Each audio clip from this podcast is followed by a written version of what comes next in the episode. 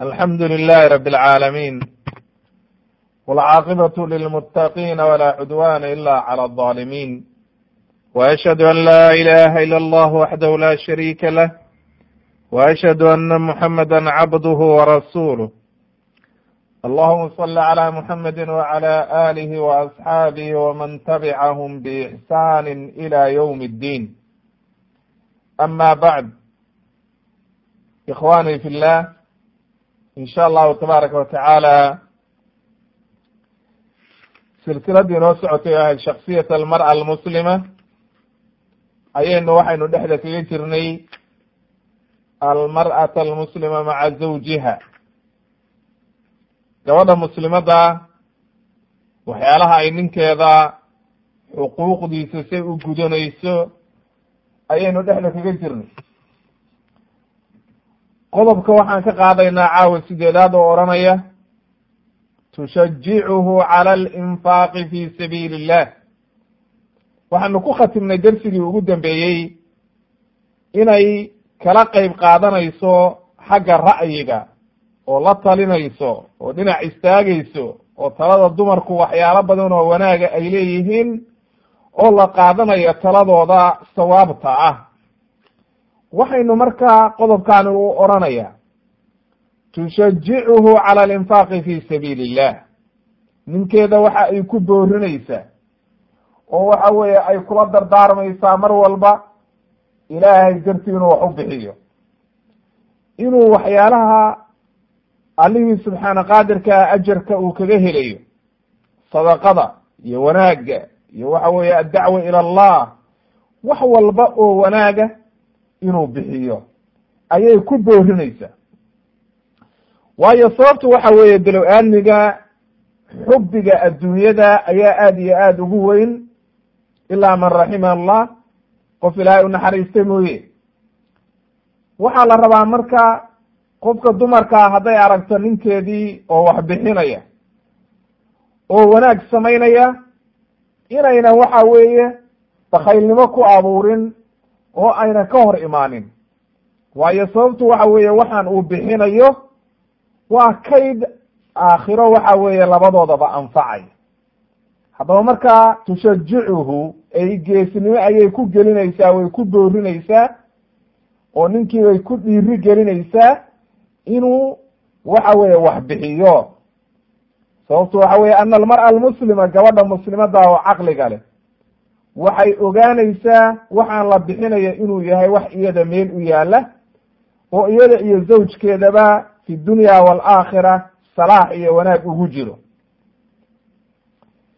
Waxyaalaha ugu wanaagsan oo macal shaahidka arrintaa u noqonaya waxaa ka mid ah oo aynu soo qaadanayno sida ay maaragtay u sugnaatay mawqifkii ay qaadatay umu daxdaax umu daxdaax zawjkeedii ayaa waxa uu sadaqaystay beer ay lahaayeen. Beer ay lahaayeen. Ayuu sadaqaystay oo nebiga calayhi salaatu wasalaam isagoo la jooga. Ayaa waxaa dhacday in uu nebigu ku booriyey isagana abu daxdaax baa la ohan jiray. Nebigaa ku booriyey saxaabada inay wax sadaqaystaan markaasuu waxa uu sadaqaystay oo beertiisii. Nebiga calayhi salaatu wasalaam markuu u sheegay oo yihi beertaa waan sadaqaystay. Ayuu markaa wuxuu u tegey xaaskiisii oo beertii dhex joogta. Waa madiina. Beertii iyadoo dhex joogta markaasuu u dhawaaqo wuxuu yidhi umudaxdaaxay isaga soo bax beertan iyadoo markaa waxa weeye laamo timira oo waxa weeye maaragtay miro markaa soo go'ay iyo meeshii waxa weeye maaragtay dee reer beertoodii dhex joogo oo aada iyo aad arrin u wanaagsan. Markaasuu waxa uu ku yidhi isaga soo bax. Fii sabiilillahi baan u sadaqaystay beertan xoolo kalena meeshii lama hayo. Isaga soo baxa buu yidhi. Markaasay ka soo baxday fa kaana jawaabuhaa marka jawaabteedii maxay noqotay rabixa albaycu rabixa albaycu bay tiri waad guulaysatay waad guulaysatay waad faa'iday haddaadba beertii sadaqaysatay waad guulaysatay bay tiri saddex jeer bay ku celcelisay rabixa albaycu rabixa albaycu rabixa albayc macnaha ribxigu waxa weeye waa faa'idada beyciina wixii aad ilaahay ka iibsatay ee macnaha xoolahaaga aad ilaahay xaggi u qadimtay waad ku guulaysatay oo sadaqo iyo wanaag fara badan ayaad ka heshay ayay ku celcelisay. Nebigaa markaas calayhi salaatu wasalaam wuxuu yihi kam min cidqin waxa weye macnaha laamaha beeraha oo waxa weeye miraha markaa ka soo go'ay ayaa laga wadaa. Macnaha ay timirta ah oo markii laga soo gooyo cinabka iyo laanta uu iskula socdo oo miraha badan ka lulato meeqaa taasoo kale buu yihi oo fara badan liabi daxdaax fi ljanna macnaha markii nebigi loo sheegay sida ninkaasi beertiisi u sadaqaystay oo uun xoolo kalaba lahayne beertiisiina uu sadaqaystay xaaskiisiina ay ku boorisay oo waxa weeye ay raalli ka noqotay ee aynan qaylin oo odhan haddaad beerta sadaqaysay xaggee nooga tegaysaanay maxaad noo reebtay maxaan ciyaalka siinaynaa waxaasoo dhan agteeda ma imaan. Waxay ka fekertay keliya wanaagga laga helayo waxa weeye sadaqada oo allihii subxaana qaadirkaa ayay aaminsan tahay wixii qofku uu bixiyo inuu ilaahay wax kale ugu bedelayo siduu nebigu yihi calayhi salaatu wassalaam maal ma yarayso oo ma nusqaaminayso sadaqa. Wax walba haddaad maalkaaga maanta sadaqaysid waxba ka nusqaami mayaan. Ilaahay baa ku barakaynaya waxaad haysatid.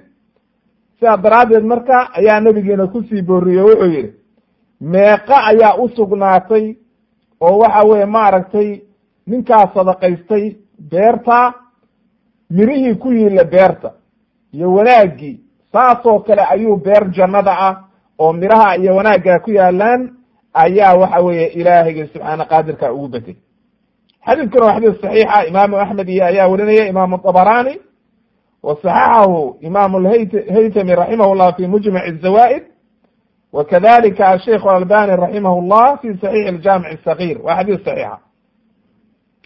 haddaba qodobkaa waxaynu ka fahanay marka waxaa la rabaa gabadha muslimadda oo diinta fahamsan inay ninkeeda daa'iman ku booriso sadaqada fii sabiili illah ilaahay dartii waxaa loo bixinaya la yihahdaa fii sabiili illah oo dariiq xaqa lagu bixinayo. Wax walbaa marka noqda masaajid la dhisayaa noqota dad masaakiin wax la siinayaa noqota agoon baa noqota waxay doonta ha noqotee wixii ilaahay raalli ka yahay oo lagu bixinayo wax inuu qofku ku bixiyo ayaa loo baahanya qodobka sagaalaad. Qodobo badan baynu caawa soo koobkoobeynaa insha allah oo waxa weeye waxaan rajaynayaa inaan qodobkan ah almara almuslima maca zawjiha inaan caawa dhamayno wuuna dheer yahay marka waan soo koobkoobaya haddii rabbi idno. Qodobka sagaalaad waxa weeye tuciinuhu calaa daacati illah ninkeeda waxay ku caawinaysaa daacada ilaahay. Inuu noqdo nin ilaahay adeeca oo rabbi ka baqa oo waxa weeye waxyaalihii waajibka ku ahaa la yimaada. Sida cibaadaadka salaadaha soonka salaatuleilka waxyaalaha sunanka ah kulli ayay ku caawinaysaa oo waxa weeye ay kula dadaaleysaa inuu noqdo mid ka soo baxa. Waxyaalaha ina tusaya arrintaa waxaa ka mid a. oo axaadiidta ku soo aroortay waxaa ka mid a. xadiis saxiixa oo abu hureyra uu warinayo. qaala wuxuu yihi qaala rasuulu llahi sala allahu alayhi wasalam raxima allahu rajula qaama min alleyli fasalla wa ayqada ahlahu wa ayqada imra'atahu fasallat wuxuu yidhi ilaahay ha u naxariisto nebigu. Nebiga ducadiisuna waa gaaraysaa qofkii uu u duceeyo raxima allahu rajula qaama min alleyli fasalla macnaha nin ila salaatuleil inta u soo kacay tukaday salaadihii sunankaabaa laga hadlaya. Markuu tukaday isagii wa ayqada imra'atahu xaaskiisiina toosiyey fa sallat iyadiina ay tukatay ma markaa. Intuu toosiyey buu yidhi istaag tuko. Markuu isagii tukaday oo soo jeeday oo ilaahay caabuday ayuu iyadiina ku booriyey. Wuxuu yidhi fa in abad haddii ay diido oo waxa weeye hurdadii isku dhejiso nadaxa fii wajhiha wejigeeda ayuu almaa ay biyo yar kaga sayrinaya. Nadxigu waa biyaha weji wax yar lagu sayrinayo meeshii. Haddaba markaa si hurdadii uga kacdo ayuu wax yar intuu biyo qoyan iyo gacanta ku soo qaaday si a wejiga uga sayrinaya ama wejiga ka marmarinaya si ay hurdadii uga kacdo gabadhi. Nin taasi waa ninkii. Wuxuu yidhi haddana nebigu waraxima allahu ilaahay ha u naxariisto imra'atan qof dumara. Qaamat fasallat intay istaagtay bay tukatay ay min alleyli wa ayqadat way toosisay zawjaha ninkeediina way toosisay. Fasallaa wuu tukaday fa in abaa haddii uu diido nadaxat fii wajhihi almaa biyo yar ayay wejiga kaga sayrisay si uu u tooso oo waxa weeye markaa hurdada uga kacdo oo tukado xadiidku waa xadiis saxiixa imaam abu daawuud ayaa werinaya iyo xaakim wa saxaxahu imaamu alxaakim calaa shardi muslim wa saxaxahu asheikh alalbani raximah llah fi saxiix aljaamic asakir wa fi sunani abi daawuud haddaba xadiidkan wuxuu ina tusayaa macno aad iyo aad muhiim u ah. Laba arrimood baa marka ku jirta. Kow horta qofku inuu ku dadaalo cibaadada oo markuu waajibaadkii la yimaado salaadaha sunankaana uu ku dadaalo khaasatan salaatuleilka hadduu marka naftiisii isagu saa ugu tarbiyeeyey ama nin ha noqdo ama naag ha noqdee markaasuu haddana wuxuu u soo gudbayaa qofkii kale oo nolosha la qaybsanayey. Ninkii xaaskiisiibuu toosinaya waxaa dhici karta marka qofkii inuu hurdadii rabo oo ka kici waayo oo caajis dareemo si marka adoon ku qaylin oo dhibaato u geysan oon canaanan ayaa si tartiiba oo wanaagsan biyo yara. Qofka markii biyaha wejiga looga sayriyo oo uu hurday hurdadii waa ka kacaysa waa baraarugayaa qofki. Marka ma aha dhibaato kale waxaa la rabaa qofku inuu baraarugo. Oo markaa nashaad helo iyo firfircooni uu kaco markaa haddii marka arrintaani sidaad wanaaggaa oo laisaga dhaadhicinayo oo wanaag ku jiro ayaa la rabaa laakiin hadday mafsado keenayso. Oo khaasatan haddii matalan intay naagtii tukato oo gabadhi markay salaadii tukatay ay istiraada ninkii kici. oo waxa weye uu diido biyo yar ku sayriso. De hadduu inta xanaaqa gabadhii dilayo ama mashaakil keenayo oo wax jaahilaya aan diin kala garanaynin dee looma baahna markaa.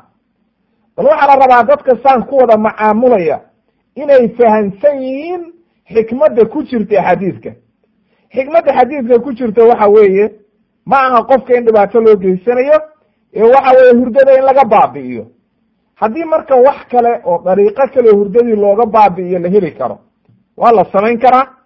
Haddii dariiqadan loo adeegsadona waa tarbiyaddaa nebigu ina baray oo waxa weye qofkii ku baraarugayo. Laakiin waa in daa'iman uu qofka kalena arrintii fahamsan yahay oo aan mafsado ka weyn ka imaanaynin. Macal shaahidkeenu marka waxa weeye gabadha muslimadda ah inay cibaadadii badiso oo ku dadaasho. Haddana ninkeedii ku caawiso cibaadadii iyo wanaaggii allihii subxaana qaadirka ahaa si uga raali noqdo. Haddaba marka haddaynu helno laba qof oo isqaba oo wanaaggaasa isugu bedelanaya oo wanaaggaa la imaanaya waa nicma waa arrin aad iyo aad u wanaagsan. Oo waxa weye maaragtay aan la heli karin. Allihii subxaana qaadirka haynagu irsaaqo kulligeen inaynu nicamkaa fahanno qodobka tobnaad waxaynu ku soo qaadanaynaa tamla'u nafsahu. Naftiisa ayay waxay ka buuxinaysaa farxad iyo wanaag. Waxaa la rabaa ninku inuu xaaskiisa uu ku qanacsan yahay. Oo waxa weeye naftiisa ay aad iyo aad uu ugu qanacsan yahay waxa weye xaaska uu qabo. Taasina waxay ku imaanaysaa jacaylka iyo wanaagga. Iyo labadii qof inay noqdaan laba qof oo wanaag dhex yaallo. Oo daa'iman haddii ay gabadhu fahanto inay ninkeeda qalbigiisa soo jiidato oo asbaab badan intay isticmaasho saynu awalba soo marnay inay ku dadaalayso say qalbigiisa u hanan lahayd. Daa'iman marka ninku hadduu arko wax wanaagsan uu ka arko xaaskii wax wanaagsan uu ka maqlo wax wanaagsan uu mar walba kala kulmo qalbigeedu qalbigiisii waa jeclaanaya. Waayo sababtu waxa weeye fitro ku abuuran weeye bilow aadmiga quluubta bilow aadmigu waxay u iilataa oo raacdaa ciddii hagaajisa.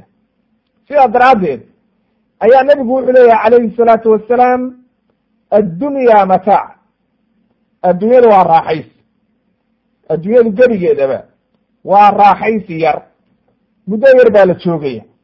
Waa laga tegaya. Cid walba waa dhimatay waa la socdaa. Muddo yar baad marka joogaysaa rag iyo dumarba muddadaa yaroo marka la joogayo nebigu wuxuu yidhi wa khayru mataaci dunya.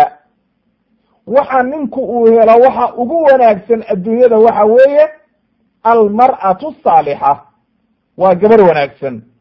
Xaas wanaagsan saalixa ay raadiya gabar wanaagsan oo ilaahayna raalli gelinaysa. Ninkeedana raalli gelinaysa. Labadaas sifo gabadha laga helo. Ninka hela nicmo adduunya kama maqna.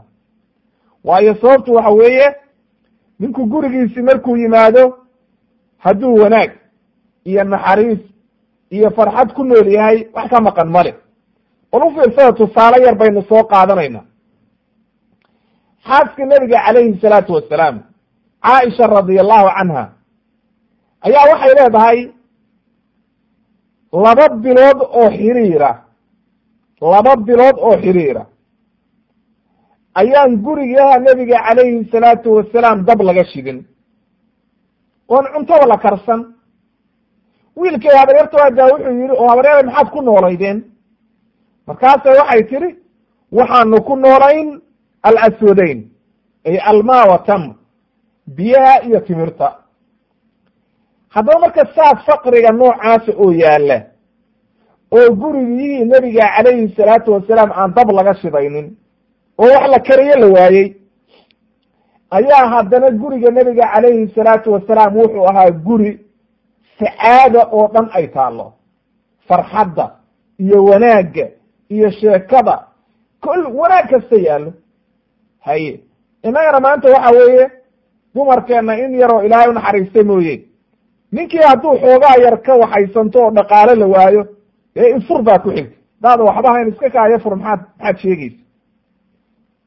Waa dhibaato wey waxaa la rabaa dadka in la isugu sabro oo wax walba loo sabro oo adduunyadan la ogaado inay tahay mataacun qaliil. Adduunyo gebigeedaba wax yar la joogayo oo laga tegayo marka waxaan u dardaarmayaa gabar walba oo muslimada inay noqoto waxa ugu khayr badan oo adduunka laga helayey oo nin uu heli karo. Waayo nebigu wuxuu leeyahay wa khayru mataaci dunya. Adduunyada waxa lagu raaxaysto oo dhan waxa yaalla waxa ugu khayr badan almar'atu saalixa. Ninka hela gabar saalixada oo ay sawjadiisa noqoto adduunyada waxba kama maqna. Haddaba marka gabadha muslimadda arrintaa qalbigeeda inuu ka maqnaan weeye oo ay maskaxdeeda daa'iman ku hayso. Inay noqoto midda dumarka ugu wanaagsan midda ninkeeda qancinaysa nafteeda naftiisa qancinaysa oo waxa weeye uunan cid kale u hanqaltaagaynin haddii ay gabadhu isku daydo xaaska qof ninka xaaskiisaan ulajeedadeedu weyn. Gabadha afkayga iska bartay ee waxaan ka wadaa macnaha xaaskaan ka wadaa hadday aada iyo aada isugu daydo inay ninka qalbigiisa hanato. Waxaa laga yaabaa inuunan dee wax badan oo dumarku masayr badan isku mashquuliyaan waa lagula guursanayaa iyo maaragtay ka walwalaan waxaa dhici karta hadduuba qalbigaaga aad qalbigiisa hanatid inuu dee naa kalaba haweysan oo waxa weeye uu adiga keliya kugu ekaado oo waxa weye halkaas aadba kaga badbaadid masayr fara badan oo imaan laha xadiid kale nebigu wuxuu ku leeyahay calayhi salaatu wasalaam min sacaadati bni aadam. Qofka bilow aadmigaa sacaadadiisa sacaada waa nolosha raaxada adduunka wey inaad wanaag ku noolaatid. Saddex arrimood wey waa raggaa laga hadlayaa wuxuu yidhi haddana wa min shiqwati bni aadam ay shaqinimada iyo dhibaatada iyo mashaakilka adduunyadu na waa saddex saddexda marka wanaagsan waxa weeye. Min sacaadati bni aadam waxyaalaha wanaagsan oo qofka bilowaadmiga u helo waxa weeye almar'atu saalixa waa ko walmaskanu saalix guri wanaagsan. Walmarkabu saalix iyo gaadiid wanaagsan. Qofkii waxba kama maqna. Hadduu waxa weeye gurigi xaas wanaagsan qabo oo adduunyada og waxa ay tahay oo ku sabraysa dhibaatada adduunyada wanaag haddii la helana ilaahay ku xamdiyeysa oo ku shukriyeysa wax ka maq ninkeedina adeecaysa ilaahayna adeecaysa wanaag kama maqna haddii marka qofkii loogu daro markaa haddana guri wanaagsan waxba kama maqna. Waa raaxo kuu korodhay gaadiid wanaagsan haddii lagugu darana waa raaxo kuusii korodhay adduunyadoo dhan intaasay ku dul wareegeysa saddexdaa marka qofkii isla helay wax ka maqan male wuxuu yihi marka nebigu wa min shiqwati bni aadam inuu qofku shaqi iyo balaa mashaakil ku noolaado waxaa ka mid a almar'atu suu qof dumara oo xun in lagugu ibtileeyo oo gurigii markaad soo geshid qaylo kugu bilaabaysa oo ilmihii mashaakil iyo dhibaato oo deriskii ka soo dacwoonayo oo afkeeda iyo waxa weye carabkeeda aan laga nabadgelaynin oo xoolihii ku cayaaraysa oo aan dul qaadanayn oo sabraynin adiga mashaakil oo dhan almar'atu suu mar haddii la yidhi wax xumaana oo ka maqan male walmaskanu asuu iyo guri xun walmarkabu suu iyo waxa weeye gaadiid isaguna xun. Imaamu axmed ayaa warinaya waana xadiis saxiixa. Haddaba marka halkaa waxaa inooga sugnaatay in ay ka mid tahay waxyaalaha qofku noloshiisu ay ku wanaagsanaato almar'atu saalixa inuu helo. oo waxa weeye wanaag ka maqan male dumarkiina waa la mid alrajulu saalix inay hesho. waayo qofka dumarkaa haddii lagu imtixaano lagu ibtileeya nin xun hadde mashaakil baa ku dhacaya. ee waxaa la rabaa daa'iman inay labadii qof bay yihiin laba qof oo wanaagsan. markaasay sacaadadii iyo wanaaggii imaanaya. waayo gabadhuna sacaado iyo wanaag bay u baahan tahay ninkuna waa u baahan yahay ma aha in ninka keliya laga hadlayo ee waxaa laga hadlayaa labada qofba. Labadaba marka haddii wanaagga la helo waxaa imaanaysa markaa inay nolol wanaagsan ku noolaadaan. Sidaa daraaddeed ayaa marka waxaa loo baahan yahay inay dumarku intay fahmaan diinta ay waxa weeye waxa wanaagga ay ninkeeda daa'iman iyo gurigeeda ilmaheeda ay kaga shaqayso sida ugu wanaagsan oo ilaahayna raalli geliso ninkeedana markaa ay raalli geliso labadaa arrimood inay ku dadaasho ayaa aada iyo aad u wanaagsan. Waxyaalaha marka ninka qalbigiisa lagu soo jiito oo ay ku raalli gelinayso oo ninku ku jeclaanayo waxaa ka mid a tatazayanu lahu waa qodobka labayo tobnaad waxa ay samaynaysaa inay ninkii isku qurxiso oo waxa weye ay ku dadaasho xagga ziinada. Waynu soo marnay qodobkii hore waa inagii kaga soo sheekaynay nafteeda waa inagii ka soo hadalnay. Markaynu ka hadlaynay almar'a almuslima maca nafsiha ayaynu ka soo hadalnay. Haddaba marka waxaynu halkan loo baahan yahay inay ku dadaasho gabadha muslimadda say ninkeeda isugu qurxin lahayd oo ninkeedu ku jeclaan lahaa. Waxyaalaha ziinada ah waxyaalo badan oo aan ragga loo xalaalayn baa dumarka loo xalaaleeyey dahabkaa ka mid a xariirtaa ka mid a waxyaalahaasoo dhan marka waxa loogu xalaaleynayey inay quruxdeeda ilaahay uu siiyey oo rabbigii subxaana qaadirkaa uu ku manaystay oo qofka belo-aadmiga allihii subxaana qaadirkaa wuxuu abuuray aad iyo aad ayuu u qurxiyey. Sidaa daraaddeed marka maadaama ilaahay uu qurxiyey gabadhii muslimadda ah waxaa loo baahan yahay markaa in ay ku dadaasho. Wax yar subxaaniya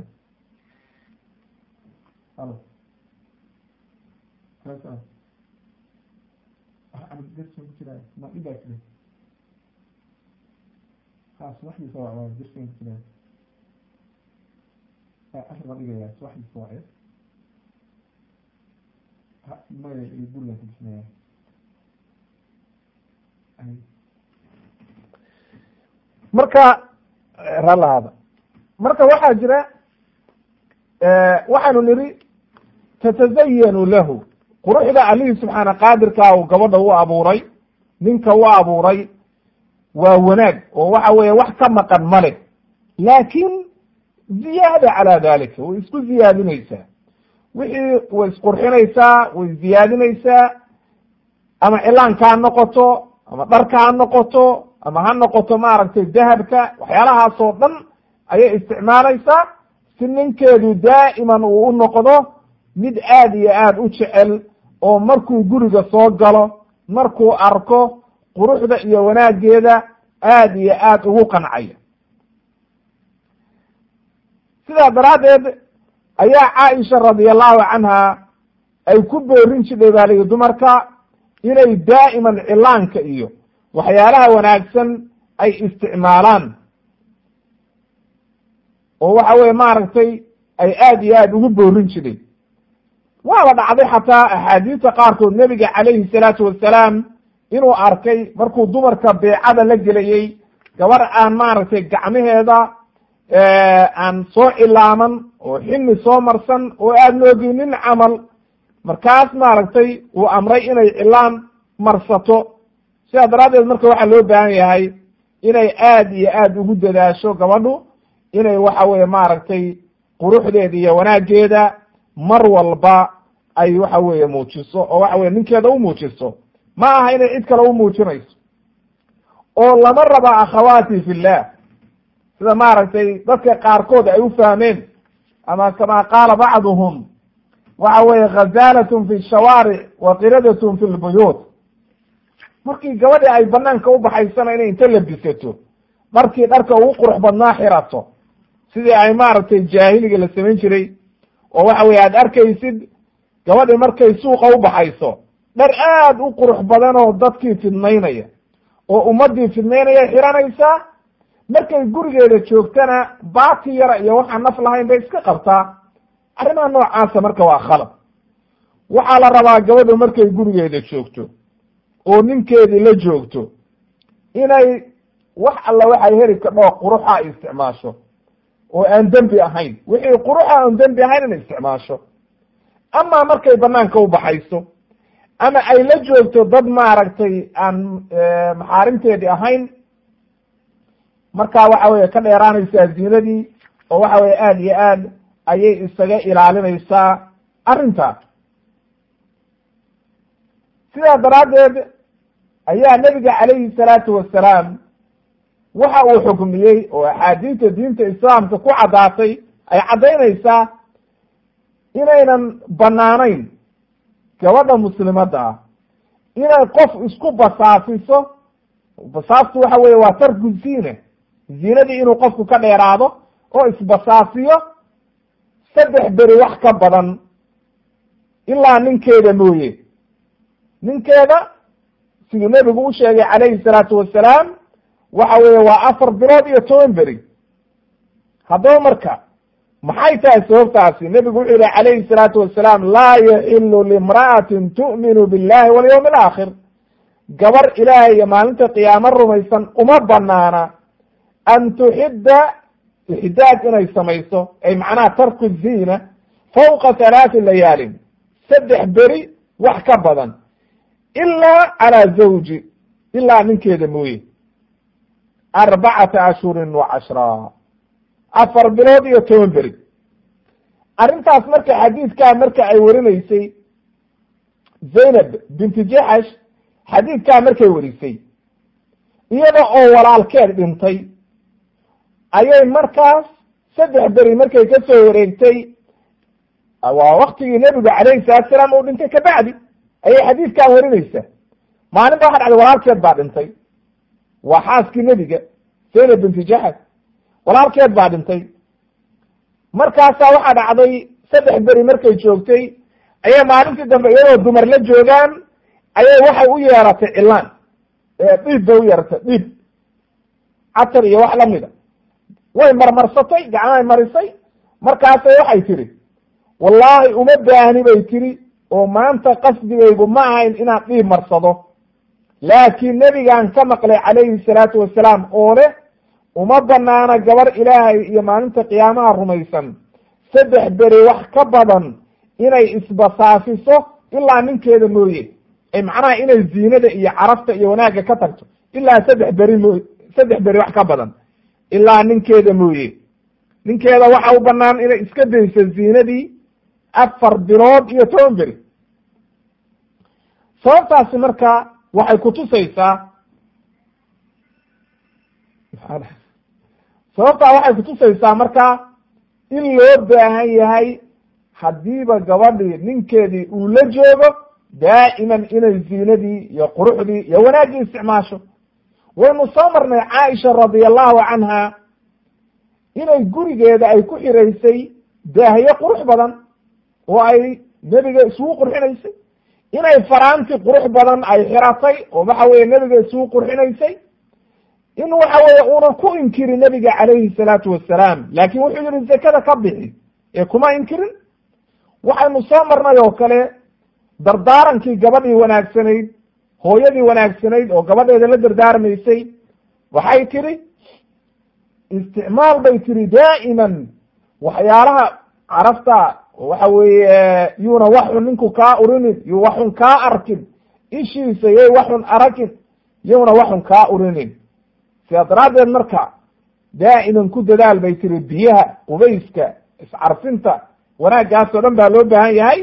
Dumarkeena soomaalida aad bay ugu fiican yihiin arrintaa waa ku ammaanan yihiin oo waxa weeye markaad in badan dadka kale oo ajnabiga aad aragtid waxaad ogaanaysaa arrintaas inay aad iyo aad ugu fiican yihiin. Waxyaalahan khaaska sida unsiga iyo waxyaalaha isticmaalaan aad iyo aad buu ufiican yahay. Laakiin waxaa loo baahan yahay ragga laftigooda inay la isticmaalaan waxyaalahaas wanaagsan. Waayo cabdullahi ibn cabaas waxaa ka sugnaatay radia allahu canhuma inuu yidhi anigu waxaan jeclahay inaan isku qurxiyo naagtayda sida ay iyaduba isuqay qurxiso. Saa daraaddeed marka waxaa loo baahan yahay ragga laftigoodu inay qeybtooda ka qaataan arrinta noocaasa. Qodobka ku xigaa oo saddex iyo toban waxaan ku soo qaadanaynaa talqaahu waxay la kulmaysaa ninkeeda oo kaga hortegeysaa marixatan iyada oo faraxsan oo waxa weye maaragtay mu'nisatan shaakira. Macnaha iyadoo daa'ima ninkeedu markuu gurigii yimaado oo ninkii uu soo galo oo maanta o dhan uu shaqo ku maqnaa ama hawlo ku maqnaa ama safar jiray ama meel uu ku maqnaa waxaa la rabaa ninkii markuu gurigii yimaado inay ku soo dhoweyso farxad inay ku soo dhoweyso weji furan inay ku soo dhoweyso nolol aad iyo aad u wanaagsan oo waxa weeye aad iyo aad ugu farxo. Waayo waa arrin aad iyo aad u fiican arrinta noocaasa. Inay daa'iman garanayso oo waxa weye ay ku dadaaleyso ayaa la rabaa iyada oo wanaagga uu isaguba u samaynayana ku shukriyeysa.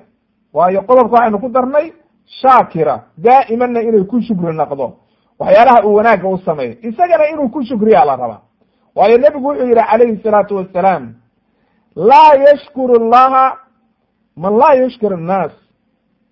Qofka ilaahay kuma shukriyo qof aan dadka ku shukriyin ay macnaha wanaaggii dadku kuu sameeyo. Waa xadiis saxiixa wanaagga dadku kuu sameeyo haddaadan uga xamdi naqin. Ama ninkaaga ha kuu sameeyo ama naagtiiba ha samayso ninkeeda wanaag ha u samayso. Labadii qofba waxaa la rabaa qof walba qofka kale wanaagga uu samaynayo oo faraha badan inuu qofba qofka kale uga mahad celiyo. Oo waxa weeye wanaaggii masalan tusaale yar baan soo qaadanayna daa'iman qofkii dumarkaa maanta o dhan gurigii bay ku mashquulsanta. Gurigii bay ka shaqaynaysa cuntay diyaarisay. Miiskay kuu soo saadhay adigii waxa weeye waa timid. Cuntadii baa lagu soo hordhigay hadda markaad dheragtid oo waxa weye cuntadii cuntid. Haddaadan iyadii wanaagga maantoo dhan samaynaysay aadan odran allihii subxaana qaadirkaa wanaag ha ku siiyo ama jazaaka illaahi khayran allihii subxaana qaadirkaa ka abaalmariyo waxa wanaagsan ilaahay kuugu haddaadan cala alaqali u ducaynin. Baaraka allahu fiik haddaadan odran waxaa imaanaysa markaa inaadan wanaaggii ka xamdi naqin inaadan wanaaggii ku shukriyin. Marka gabadha markii wanaaggaas ay samaynayso looga shukri naqo waxaa sii gelaysa maalinba maalinta kale waa ka sii fiicnaanaysa. Oo qalbigeeda wanaag baa gelaya wax walba wanaago ay samayso markii la yidhaahdo ilaahayga subxaana qaadirkaa wax wanaagsana kuugu bedelo khayr allaha ku siiyo loo duceeyo qofka dumarkaana sidoo kalea laga rabaa. Ninkaagi markuu wax kuu soo gado markuu wax ku siiyo markuu wanaag ku inaad u ducaysid inaad ku shukridid waayo sababtu waxa weeye noloshii ma kala maaranto oo nolosha waa isku xiran tahay oo waxa weeye ma aynu kala maarmayno. Arrintaa markaa daraaddeed ayaa nebigu wuxuu yihi calayhi salaatu wassalaam xadiis saxiixa laa yanduru allahu ilaahay ma eegayo ila imra'atin qof dumara laa tashkuru lizawjihaa aan ninkeedii ku shukriyeynin wa hiya laa tastaknii canhu haddana aan ka maarmayn kama maarantaba oo qofkii dumarkaa kama maaranto ninkeedii isaguna kama maarmo haddaba marka waxaa loo baahan yahy xadiidku waa xadiis saxiixa imaamu xaakim baa werinaya wuuna saxiix yeelay wa waafaqahu dahabi wa saxaxahu sheikh albani raximah llah fi saxiixi tarkiib min xadiidi cabdullahi bni camr haddaba marka waxaa la rabaa inay qofkii dumarkaa kama maaranta ninkeedii oo way u baahan tahay oo wax walba wanaagay uga baahan tahay wanaag markuu u sameeyo inay tiraahdo jazaaka allahu khayran baaraka allahu fiik allihii subxaana qaadirkaa wanaagka kuugu bedelo ay u ducayso isagana sidoo kale baa laga rabaa markay naagtiisii wanaag u samayso inuu u duceeyo. Qodobka afar iyo toban waxaan ku soo qaadaynaa. Tushaarikuhu waxay kala qeyb gelaysaa afraaxahu wa atraaxahu afraaxda waa farxadda. Wax walba oo ninkaagii markuu faraxsan yahay farxadda kala qeybgal oo waxa weeye markuu faraxsan yahay adigiina la farax. Markuu murugaysan yaho dhibaata hayso de adigiina la murugow oo waxa weeye dhibaatada kala qayb qaado wixii aad kala qaban kadhid kala qabo ku dadaal saad ugu khafiifin lahayd mashaakilka haysta ma aha ninkii oo faraxsan ama masalan naagtii iyadoo faraxsan ninkii inuu murugo geliyo lama rabo. Labadii qof waxaa la rabaa mar inay noloshoodu noqoto mutadaawil oo waxa weeye nolol dhexdooda taal oo la isku kala bedelanayo oo wanaag laysku samaynayo oo qofba qofka kale duruufihiisa uu eegayo ma aha markaad aragtid ninkaagiyo faraxsan inaad waxa weeye xanaaqdid oo weji xun aad tustid ama aad waxa weye la farxi weydid wanaag buu helay inaad waxa weeye la faraxdid baa la rabaa. Sida caaisha radi allahu canha iyo nebiga calayhi salaatu wasalaam ay ahaayeen. Ama dumarkiisa dhan uu nebigu ku ahaa. Innaga waxaad moodaa dhaqankeena soomaalida waxaad moodaa. Weliba ciladaasina xagga raggay ka socotaa xaqiiqatan waxaad moodaa ninka inuu waxa weeye xaaskiisa u yahay waxa weeye cadow. Oo markuu la hadlayo hadal adag xanaaq waxa weeye amar. Maxaa ku dhacay? Maxaa ku dhacay? Inuu waxa weye daa'iman marka waxaa loo baahan yahay ikhwaanii fi llah wa akhawaati fi llah inay labada qof daa'iman yihiin laba qof oo wanaag dhex yaalo laba fiirsada. Caaisha radiallahu canha gabar yar bay ahayd. Gabar aad u yar bay ahayd. Sagaal jir buu nabigu ku dhistay. Haye iyada oo gabadhaa yartaa oo aad u yar nebiguna uu konton jiro iyo ziyaado ayuu waxa weye la cayaaray oo laba jeer baa waxaa dhacday iyada oo safar lagu jiro jeiskii uu la socdo ciidamadii la socdo inuu yidhi taqadamuu hormara socda uu caaisho la haray. Markaas wuxuuna dareemay inay xoogaa daashay oo waxa weeye ay safarki iyo wixii tacab dare. Xoogaa marka wuxuu rabaa inuu nashaad geliyo. Markaasu wuxuu yihi kaale ila tartan aynu tartanno oo orodne kaale soo deg. Awr baa la saaranya geel baa la saaray laga soo degay dhulka haye waa tartamaynaa haye waa la cayaaray waa la tartamay. Waxay tiri fa sabaqtuhu waan ka hormaray bay tiri waayo waxay ahayd gabar yar oo dhuuban oo markaa hilib fuulin. Oo waxa weye maaragtay jimina aada u fudud. Nebiguna waa nin weyn. Waa ka hormartay waa la bas waa la iska joogay. Maalin dambe bay tiri dhowr sano kabacdi annagoo safar kale ku jirna. Oo dee waa naage intay xoogaa maaragtay cayishay oo hilib koray. Bu wuxuu yihi haye kaale maantana tartanne. Ninkii waxba isbedeli mayo oo weli waa jirkiisa waa adag yahay laakiin naagti waa isbedeleysa markaasa wuxuu yihi aan tartanno. Waxay tiri marka hilib baa ifuulay kaasa waxaan ku ihi rasuulka ilah anig kulama tartami karo maanta hilib baa ifuulay may buu yihi waa la tartamaysaa ilaa ila waa la tartamay wuu ka dheereeyey. Markaasuu isagoo qoslay wuxuu ku yidhi fa haadihi bitilka middaani waxay u dhigantaa tii hore oo aad iga dheeraysay isku tuur marka adna markii hore iga dheeraysay anna haddaan kaa dheereeyey maxaad dareemaysaa markaa labadaa qof farxadda iyo waxa weeye nolosha ay ku nool yihiin sacaadadii adduunyada waxba kama maqna.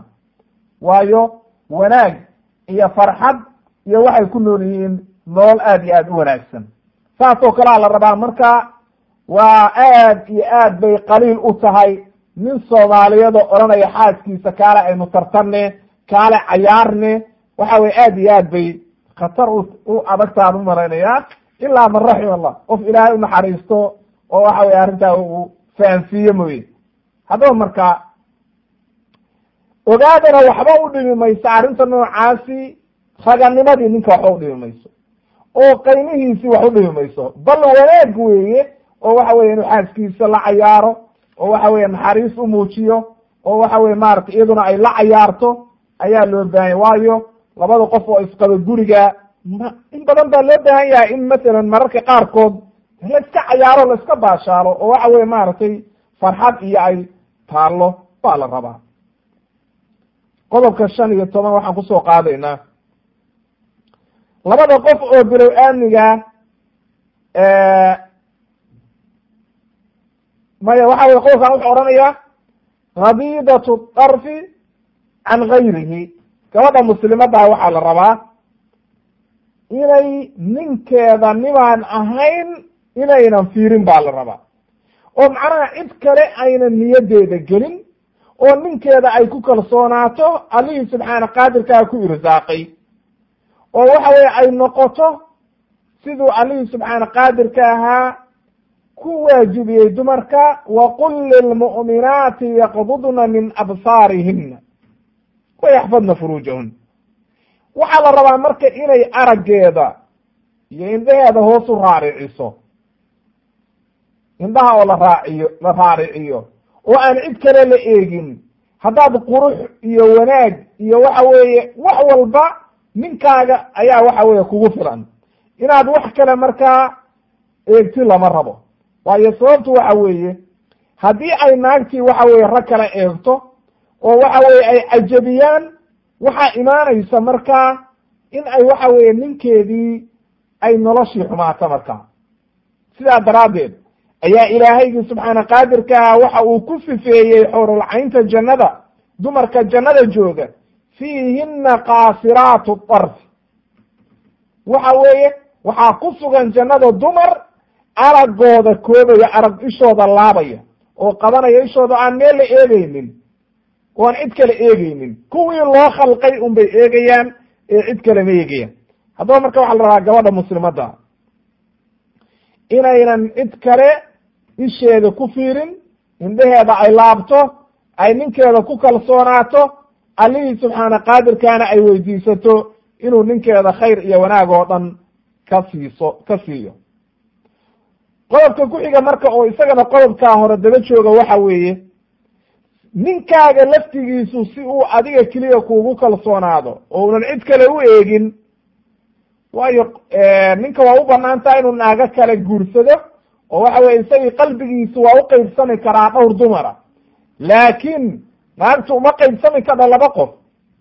Waxaa la rabaa marka oo diinteenu inaga nahyiday inay naagti iyadoo ninkeeda la sheekaysanaysa inayna naag kale quruxdeeda u sheegin oo u tilmaamin waayo qodobkaani wuxuu leeyahy laa tasifu lahu imra'a qof dumara u tilmaami mayso oo u sifayn mayso oo hebla way qurux badan tahay oo noocaa noocaas weeye jirkeedu oran mayso.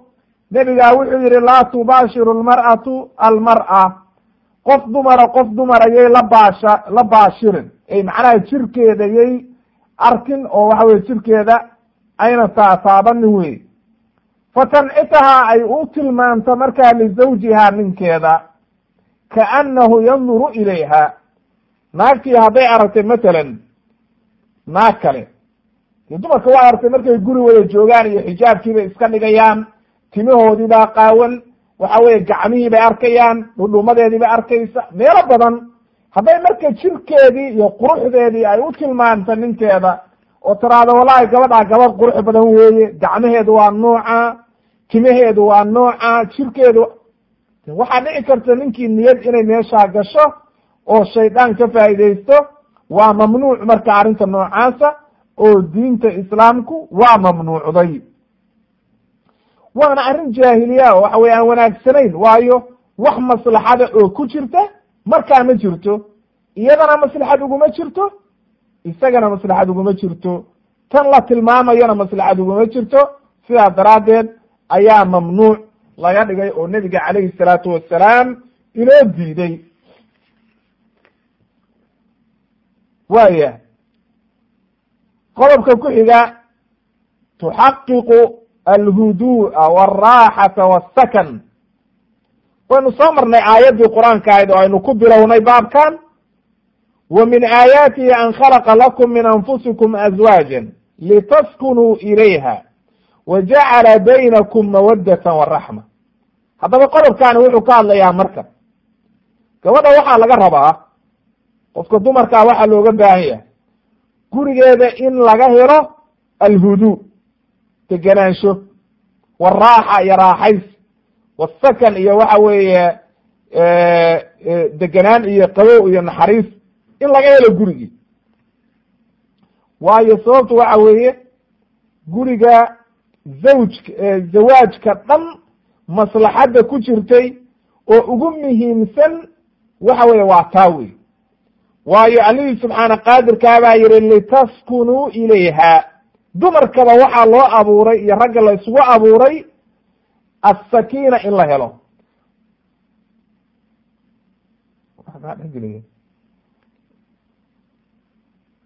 labada qof inay helaan degenaansho iyo sakiina ayaa loo baahan yahay.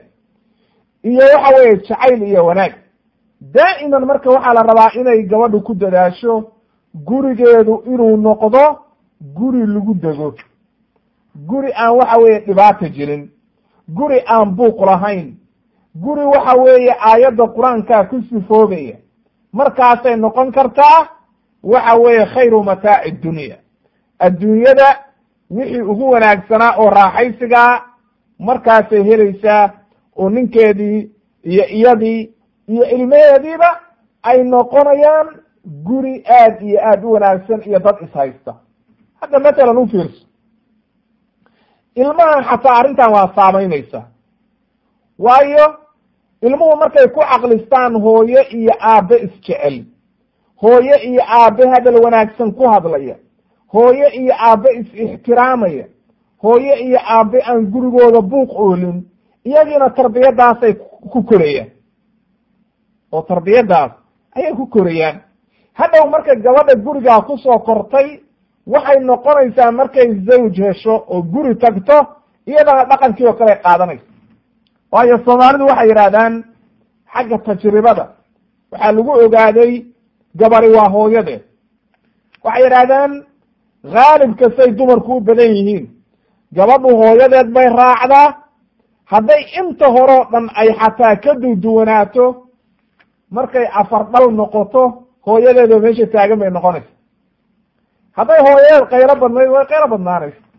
Hadday hooyada wanaagsanaydna waa wanaagsanaanaysaa waa sida khaalibka ah oo waxa weye wuu jiraa waxyaalaha la yidhaahdo jiidashada oo waxa weye maaragtay uu qofku waxa weye qofkii ku farciisa uu raacayo waxa ugu fudud marka oo qofka ugu dhowa uu raaco ayay noqonaysaa inay hooyadeed raacdo. Haddaba marka waxaa loo baahan yahay qof walba oo muslima oo aayaddaa fahmaya inay gabar walba ku dadaasho gurigeeda siduu u noqon lahaa guri raxmad iyo naxariis iyo degenaansho laga helo. Qodobka sideed iyo toban. Waxa weeye labada qof oo bilow aamniga ahay si kasta oo ay u dadaalaan. Waxaanu nirow dadaal walba hala sameeyo. Laakiin dadaal kasta oo la sameeyo waxaa imaanaysa inuu qofba qofka kale khalad ku dhaco. Oo waa la khaldamaya. Kullu bni aadam khadaa wa khayru lkhadaa'ina tawaabuun. Qof walba waa khaldamaya. Haddaba qodobkan waxaynu leenahay marka sideed iyo toban. Mutasaamixatun safuuxun inay noqoto mid tasaamux badan oo cafis badan oo waxa weeye cafiyeysa ninkeeda daa'iman oo wixii khalad uu ku dhaco iska cafiyeysa oo saamaxaysa. Qaala allahu tacaala ilaahay waxa uu yihi walyasfaxuu walyacfuu walyasfaxuu alaa tuxibuuna an yakfir allahu lakum? Aayaddaani waxay ku soo degtay abubakar ninkii misdax la ohan jiray markuu ka qayb qaatay arrintii caaisha ayuu cuntadii iyo wixii ka joojiyo waxa weeye nin miskiin uu ahaa oo uu biili jiro qaraabadiisa. Aayaddaana lagu soo dejiyey walaa ya'tali ululfadli minkum wasacati ila aakhir alaaya. Laakiin maca hadda maxaa weeye? Walyacfu ha cafiyo. Haddaba marka waxaynu u baahan nahay qof walba qofka kale inuu cafiyo. Oo ay naagtu ninkeeda daa'iman cafido oo ninku xaaskiisa uu cafiyo oo khaladaad baa kala dhacaye inaan la dabagelin oo la odran maalin heblo qofkaani khaladkaasuu galay oo aan khaladkii loo tirin oo waxa weye aan daa'iman wixii dhacay oo hore la iska ilaawo. Waxaana loo baahan yahay qofku inuu cafistaana la yimaado. Hadduu qofkii kugu khaldamo khalad ku dhacay inaad cafidid baa la rabaa. Markaad cafidid marka ma aha inaad maalin dambe haddana ku soo celisid oo tiraad maalin heblo khaladkaasaa gashay ee adigii soo cafiyey maaha. Soo adigii tasaamuxa la yimid maxaa maanta u soo celinaysaa marka looma baahna arrinta noocaasana haddaba marka in la iscafiyo oo waxa weeye khaladka dhacayo waa badan yah marka khaladkii laba nooc buu qaybsamaya. In badan horta inaadan dabagelin baa la rabaayo takaaful baa la sameeyaayo in aad ismoogeysiisid baa la rabaa. Waxyaalo badan oo waxa weye aan dhib lahayn oo waxa weye xilli la iska kaftamayaa jira qofku hadal khalada uu odhan karo hadduu marka xilliyadaasoo kale la iskuma qabto oo markii la kaftamayo iyo marka la cayaarayo waxaa la iskuma qabto. Laakiin qofkii haddii uu khaldamo oo khalad weyn ku dhaco markaa khaladkii waa loo sheegaya waa la qabanaya laakiin waa la saamaxaya oo waxa weye khaladkii lagu soo celcelin mayo oo daa'iman ma soo noqnoqonayo qodobka sagaal iyo toban waxaynu ku soo qaadaynaa waa qodob aada muhiim u ah. Gabadha muslimaddaa waxaa la rabaa inay noqoto qawiyatu shaksiya xakiima. Labadaas sifo waa in gabadha muslimaddaa laga hela. Horta waa inay noqotaa gabar karti leh oo dadnimo leh laba waa inay noqotaa gabar xikmad leh. Shaksiyadeeda iyo naf ahaanteeda waa inay tahay baynu nidhi midda koowaad qof awood le qawiya oo waxa weeye almu'min alqawiy khayrun min almu'min adaciif qofka mu'minkaa nebigu wuxuu yihi oo qawiga ah oo dadnimada leh wuxuu ka fiican yahay oo ka khayr badan yahay kan daciifka haddaba mal doonayna inay noqoto gabadhii gabar daciifa.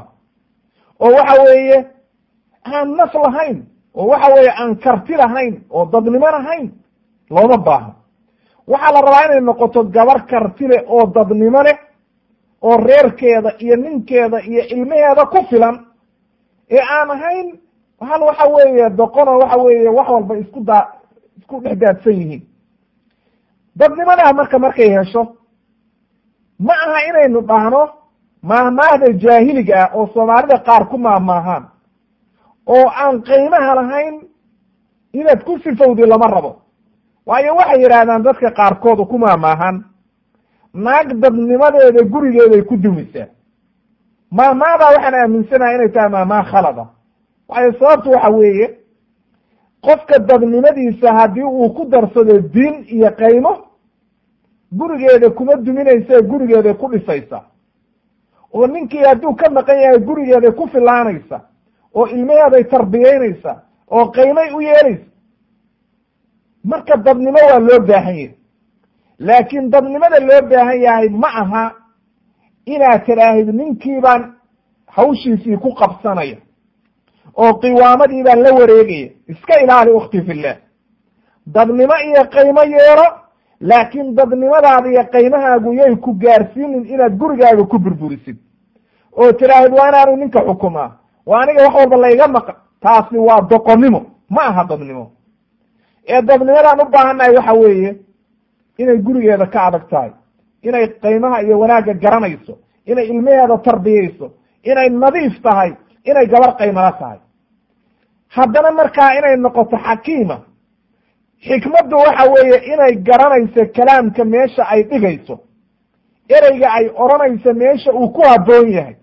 Markay doonayso inay ninkeeda erey ku taraado booska ay kaga bilaabayso waa inay garanayso. Oo aad aad iyo aad ay arrintaa u fahmi karta. Ereyga waa inay garanayso waayo sababtu waxa weeye xayaatada labada qof daa'iman khilaaf baa imaanaya oo waxbaa dhacaya oo marnaba ma dhacayso inay labadii qof noqdaan laba qof oo malaa'iga. Waayo allihii subxaana qaadirka ahaa inagama dhigin malaa'ig oo aan khaldamaynin laakiin allihii subxaana qaadirka aha wuxuu inaga dhigay dad bilow aadmiya oo daa'iman khaladna dhacayo oo khalad imaanayo. Waxaynu soo marnay oo hadda ka hor aynu ka soo sheekaynay markaynu macnaha aynu ka hadlaynay dumar badan oo waxa weeye ay arrintii matalan anas hooyadiisoo kale umu sulaym shaksiyadeeda iyo qaymaheeda say u muujisay markuu ab markuu ninkeedii anas anas aabihii malik ibni nadar markii uu gaaloobay iyaduna waxa weye ay diinta soo gashay oo uu aad u xaawilay inuu bedelo way diiday oo dadnimadeedii iyo qaymaheedii bay waxa weeye ku istaagtay inayna diinteeda marna ka noqon. Waxaynu kaloo soo marnay ramla bintu sufyaan markii ay waxa weye ninkeedii uu gaaloobay oo ardulxabasha dib ugu gaaloobay oo diinta uu ka baxay say dadnimadeeda iyo waxa weeye ay isku dayday inay ka badbaado dhibaatada meeshaas. Waxaynu kaloo soo marnay umu sulaym laftigeeda markii uu soo doonay ninka la odhan jiray abu dalxa oo xoolaha badan u bandhigayey inay dadnimadeeda iyo go'aankeeda ay ku istaagtay ee aynan marnaba u jilcin oo ayna xoolo eegin.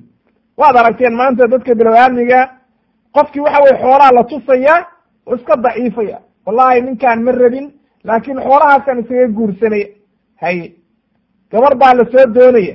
Ninkaan ma rabay leeda na xooluu leeyaho xag buu leeyaho xag buu leey hadda waxaa arkaysa iyada iska yeeshoo daciiftay hadhowna dhibaato iyo waxa weye mashaakil lugaha la gashay.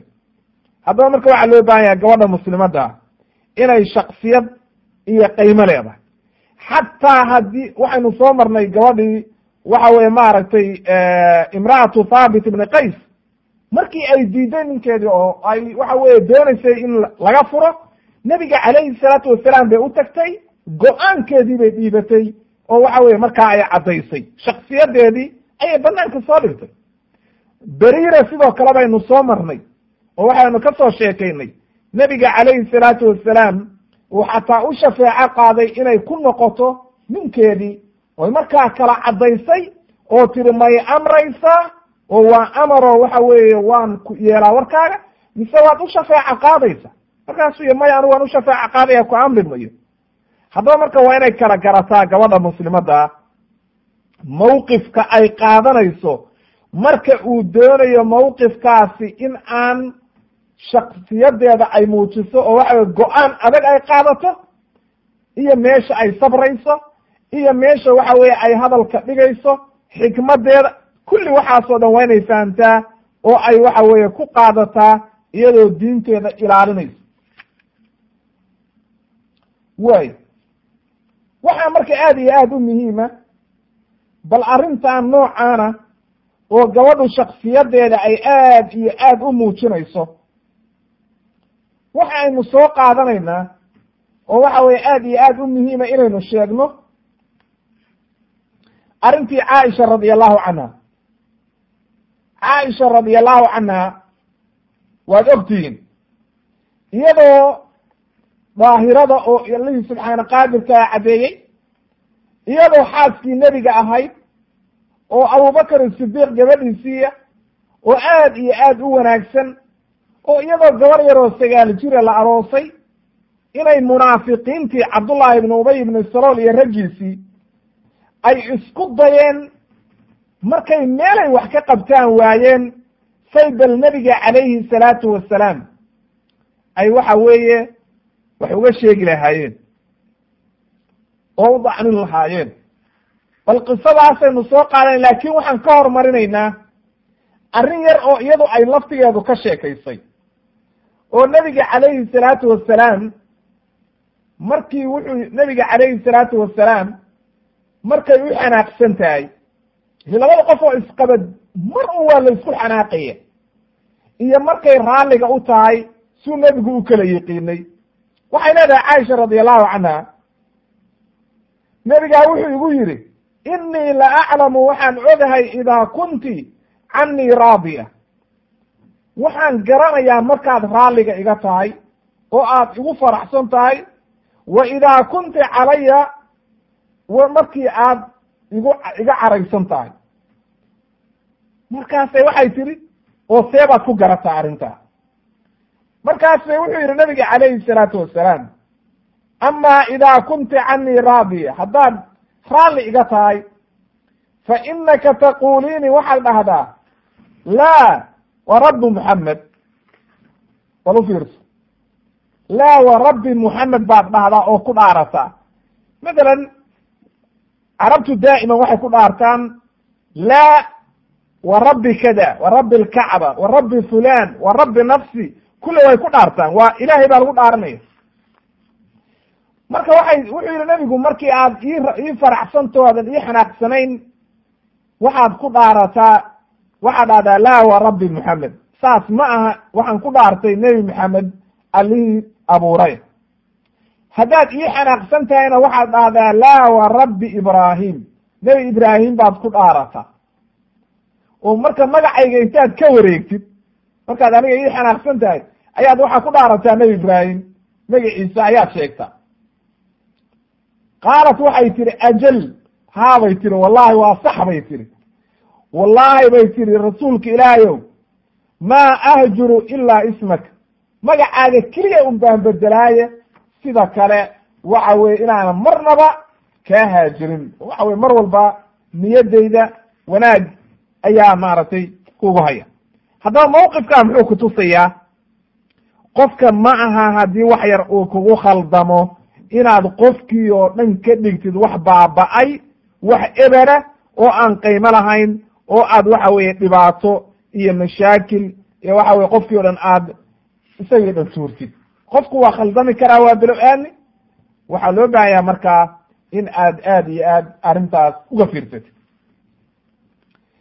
ama haddaba qisadan cajiibka ahayd oo xaadisatul ifki qisadii dhacday oo caaisha markaa ay ku ceebeeyeen oo yidhaahdeen way zinaysatay iyada oo beri ka ah oo allihii subxaana qaadirka ah beri yeelay munaafiqiintu uga faa'iidaysteen.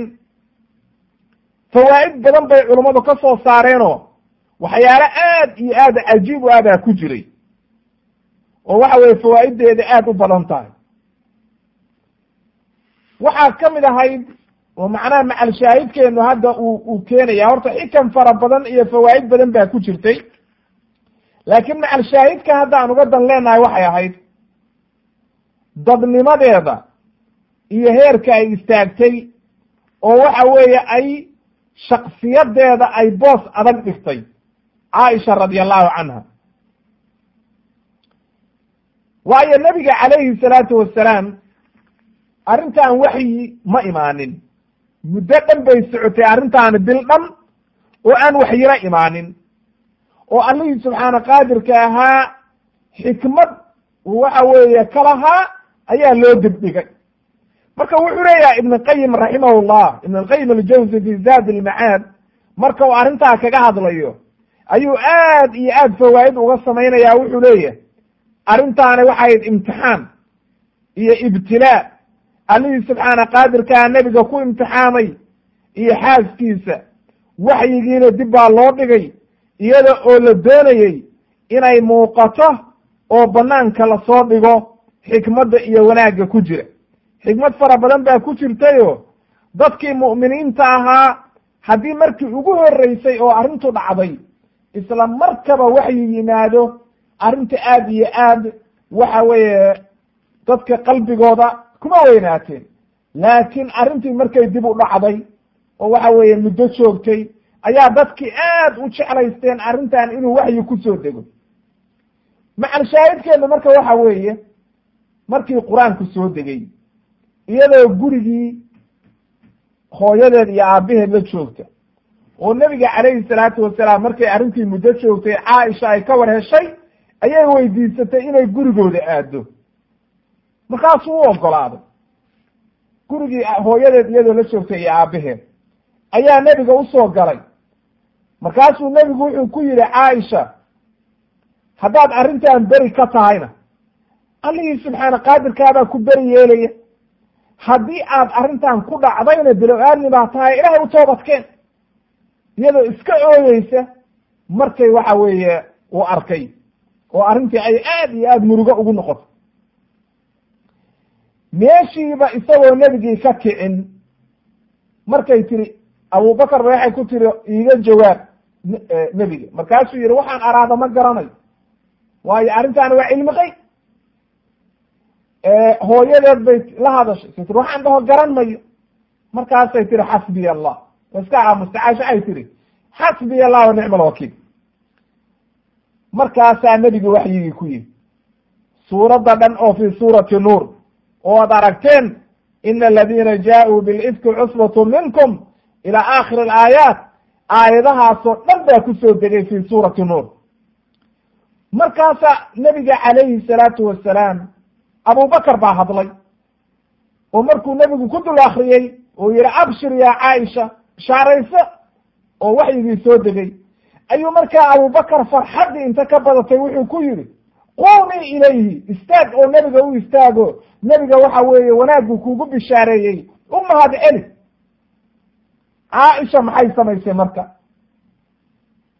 Ilay farxaddan iyo wanaaggan waa arrin aad iyo aad u qiimo badan. Wallahi laa aquumu ilayhi bayt. Ma istaagayo mana u istaagayo. Walaa axmudu ila allah. Ilaahay waxaan ahayna ku mahadin mayo. Ilaahay baan u mahad celinaya allihii subxaana qaadirka allihii qur'aanka igu soo dejiyey huwa aladii anzala baraa'ati ilaahay baa i beri yeelay. Halkaa marka caaisha waxay caddaysay arrin aad iyo aad muhiim u ah. Horta ko waxay caddaysay inuuna nebigu cilmi qeyb ogeyn. Dad badan baa waxay ku leeyihiin nebigu cilmi qeyb buu oga nebigu maanta waxa weeye waana maqlaya waxa weeye w waa noo ajiibaya ilaahay buu noo baryay isagiyo nool buusan cilmi qeyb ogeyn haye way caddaysay horta waayo nebigu hadduu cilmi qeyb og yahay dee markii horeba wuu beri yeeli lahaa caaisha oo mar hore u caddayn lahaa odhan lahaa waa laga gardaran yahay waana khalad ee waxa weeye dhibaatadan ma ay samayn. Haddaba marka shaksiyadeeda bal fiirso. Farxad ka badatay awgeed intay booday ismay ilaawin oo waxa weeye inay ilaahay u xamdi naqdo ma ilaaw ee waxay ka bilowday horta ilaahay inay ku xamdi naqdo oo ilaahay ku shukrido oo waxay u tiirisay wanaaggan ciddii iska lahayd. Waayo baraa'adan allihii subxaana qaadirka ayaa keenay ee nebigu ma keenin. Sidaa daraaddeed waxaa loo baahan yahay marka oo halkaa laga qaatay inay qofka dumarkaa shaksiyadeeda iyo qiimaheeda inay tahay qof shaksiyad leh in loo baahan yahay oo waxa weeye aan degdegaynin oo waxa weeye wax walba ka fiirsanaysa.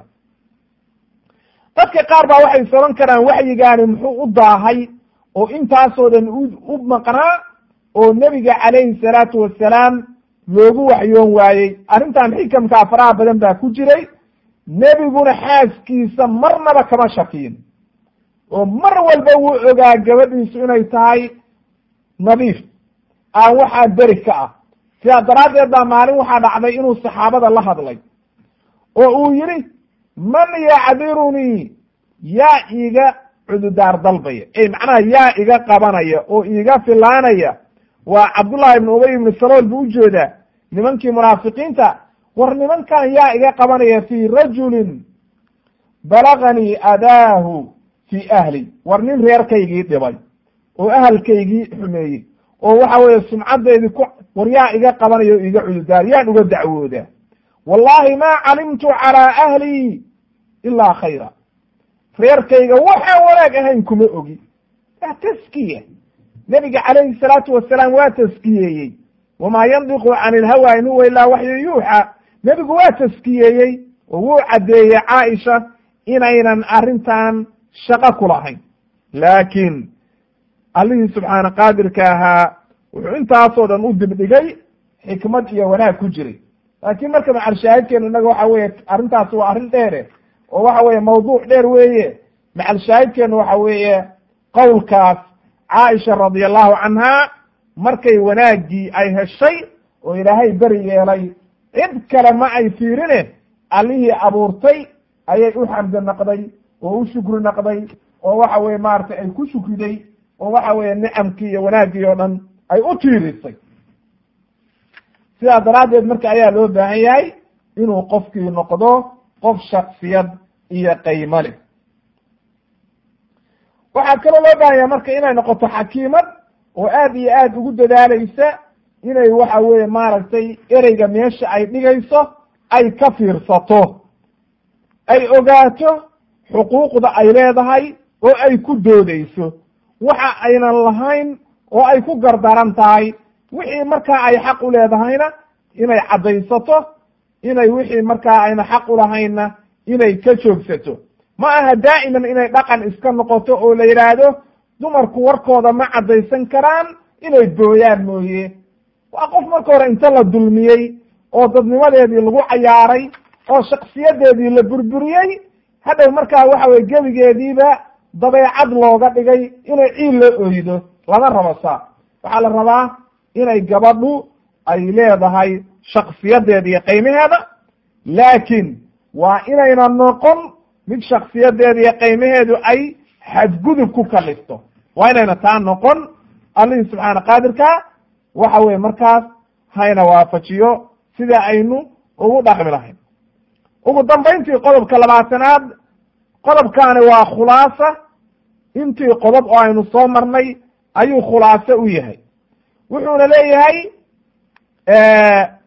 anjaxi zawjaat dumarka dumarka ugu wan wanaagsan oo liibaanay oo waxa weeye guulaystay waa kuwe. Waxaa inoo soo caddaatay akhlaaqdii faraha badnayd oo aynu soo marnay iyo sifaadkii faraha badnaa ama xagga fikirka ha noqoto ama nafsiyadda ha noqoto ama ijtimaaciga ha noqoto ama ninkeeda say ula dhaqmayso naagta naaga ugu fiican waxa weeye oo ugu wanaagsan waa midda wanaaggeeda iyo waxa weeye khayrkeedu badan yahay oo noqotay khayru mataaci dunya. Taas ayaa naaga ugu wanaagsan. Ninkii helana nicma kama maqna oo waxa weeye nicmo oo dhan gacantuu ku dhigay haddaba taana sifaadkeeda waynu soo sharaxnay. Waa inay noqotaa gabar muslimada oo marka ugu horeysa ilaahay xaqiisa ka soo baxaysa. Bilqiyaami biwaajibaatiha waajibaadkeeday ka soo baxaysa. Naxwa zawji naxwa rabbiha. Allihii subxaana qaadirkaabay adeecaysa. Wa naxwa zawjiha. Ninkeeda ayay waajibaadkiisii ka soo baxaysa. Markaasay noqon kartaa khayru mataacin lirajul fi xayaatih waxyaalaha ninku haysto waxa ugu fiican ayay markaa noqonaysaa haddii ay taa la timaado. Maxaa marka loo baahan yahay? Hadduu ninkii gurigii soo galo inaad gabar yahay kala hortagtid weji wanaagsan. Bashaash furan weji furan.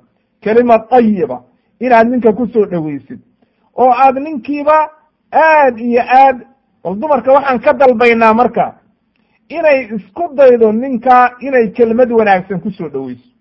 Haddaynu odran ninkii intaad guriga kaga hortagtid kagaha ka siib bal kabihiisa isagu ha iska siibe adigu weji wanaagsan iyo kelmad furan iyo erey wanaagsan iyo kelimad tayiba ku soo dhowee.